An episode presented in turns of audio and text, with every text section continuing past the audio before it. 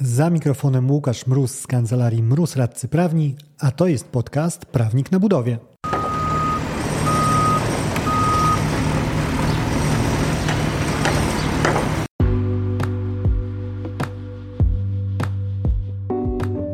Prawnik na budowie. Podcast o wszystkim, co związane z budownictwem. Uwaga, może zawierać śladowe ilości prawa. Nazywam się Łukasz Mróz, jestem radcą prawnym i partnerem w kancelarii Mróz Radcy Prawni, w której na co dzień pomagamy firmom budowlanym sprawnie prowadzić projekty. Ten odcinek to kolejny mikropodcast, czyli krótki strzał na konkretny temat. Zacznijmy tydzień od tego, co ekscytuje ludzi najbardziej, czyli od pieniędzy, a nawet w sposób ekscytujący jeszcze bardziej niż standardowo, bo od pieniędzy cudzych. Mianowicie pieniędzy prezesów największych firm budowlanych.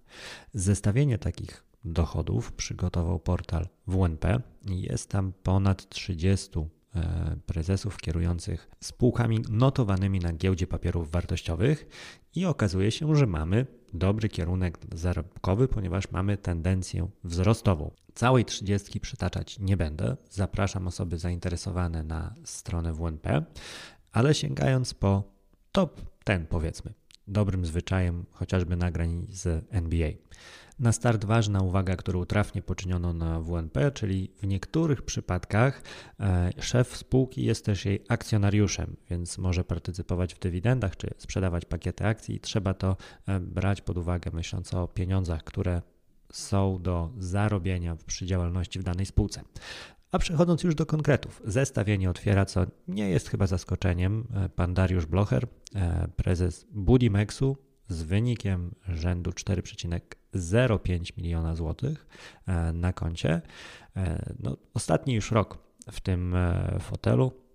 Gratulacje długiej kariery na, na tym samym stanowisku. Trzymanie za ster przez tak długi czas największej firmy budowlanej no, jest nie lada osiągnięciem. Drugie miejsce to Airbud i pan Dariusz Grzeszczak z 3,73 miliona złotych, także wcale nie do pogardzenia kwoty, kwotą. Następnie podium zamyka Mirbud z panem Jerzym Mirgosem i jego 2,32 miliony złotych. E, niżej mamy już Instal Kraków, może już bez wymieniania kwot. Dalej Libet, Trakcja również się znajduje tym w zestawieniu oraz e, kolejny kolejowy wykonawca, czyli ZUE, Electro Team e, oraz Ulma. Ile już tutaj mamy? Chyba już 10 e, podmiotów wymieniłem.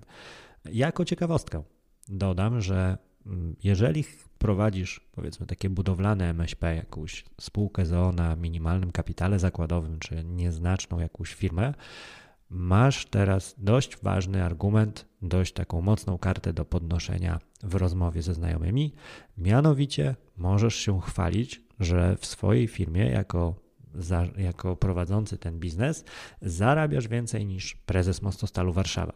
Bo co ciekawe, e, zarówno w 2019, jak w 2020 i też 2018 zresztą, e, prezes e, zarządu tej spółki wskazał, że cóż, jego wynagrodzenie wyniosło okrągłe 0 zł. Czyli jest to poziom, który nawet jakaś mikrofirma budowlana realizująca remonty jest w stanie e, przewyższyć. Tutaj oczywiście dla pełnego obrazu nie jest to jedyna funkcja pana prezesa, jest on również działa w strukturach koncertu Ecjona, która jest właścicielem, mówiąc kolokwialnie, Mostostalu Warszawa. Także od tej chwili możesz zaczynać rozmowę ze znajomymi, mówiąc o tym, że jesteś lepiej uposażony niż prezes zarządu Mostostalu Warszawa. Co do pełnego opracowania z pełnymi kwotami, z pełną trzydziestką, raz jeszcze odsyłam do wnp.pl. Udanego tygodnia. Dzięki za odsłuchanie tego odcinka. Chcesz się ze mną skontaktować?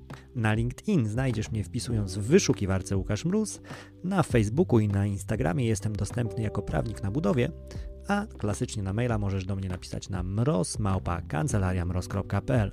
Do usłyszenia w kolejnym odcinku. Dzięki za odsłuchanie tego odcinka.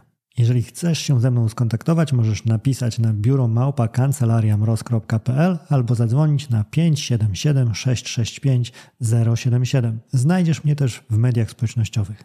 Na LinkedIn jako Łukasz Mróz, a na TikToku, Facebooku i Instagramie jako Prawnik na Budowie.